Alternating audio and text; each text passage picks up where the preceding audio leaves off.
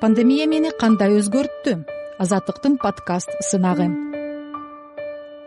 Саламатсыздарбы менин атым ибраева алия данбековна. Мен окуу тарбия комплекси номер жыйырма тогуз мектеп гимназиясында окуйм. Жана сегизинчи класска көчтүм. Менин окуу мектебим орус тили боюнча болгондуктан бул биринчи жазган баяным. Кемчиликтер болсо алдын ала кечирим сурайм биринчи мен пандемиянын минус жана плюстары жөнүндө сүйлөшкүм келип жатат беш кемчилиги жана беш жакшы жагы болот.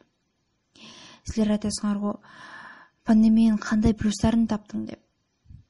Бирок ал жөнүндө анан кайрыла кетем. Кемчиликтер. Биринчи кемчилиги бул инфекция адамдарга аябай бат жугат ошондуктан ушул абал көп проблемаларды алып келди. Мисалы башында коронавирус жаңы жаңы чыгып баштаганда биринчи кытай өлкөсү коронавирус жугузуп алышты. Ошондон баштап башка өлкөлөр дагы ооруп башташты. Вирусту жугузуп алгандар ушунчалык көп болгондуктан ооруканаларда палаталар жетишпей калды. Экинчи кемчилиги бүт дүйнө жүзү карантинге жабылды дүкөнгө жана ооруканага гана барууга мүмкүн болду жана башка баардык коомдук жайлар жабылды. Үчүнчү минус бул пандемия өлкөлөрдүн көйгөйлөрүнө гана кошулат. Экономика төмөндөдү. Төртүнчү минус көп адамдар жумушсуз калышкандыктан эмгек акысын ала албай калышты. Бирок бул жерде мени кубандырганы өлкөбүз жардамга муктаж адамдарга көмөк көрсөткөнү болду. Бешинчи кемчилиги арылыктан окутуу билбейм. Бирөөлөргө бул жакшы жагы да болушу мүмкүн. Бирок ал мен үчүн аябай жаман нерсе. Анткени аралыктан окутуу менен байланыш жана достук жетишпейт.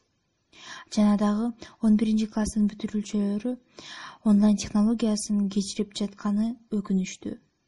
Акыры плюстарга өттүк.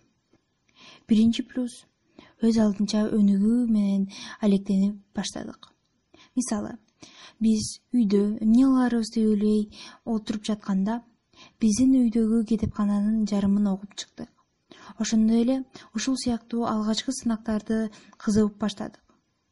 Үйдө окуган курстарды табып чет тилдерди үйрөнүп баштадык.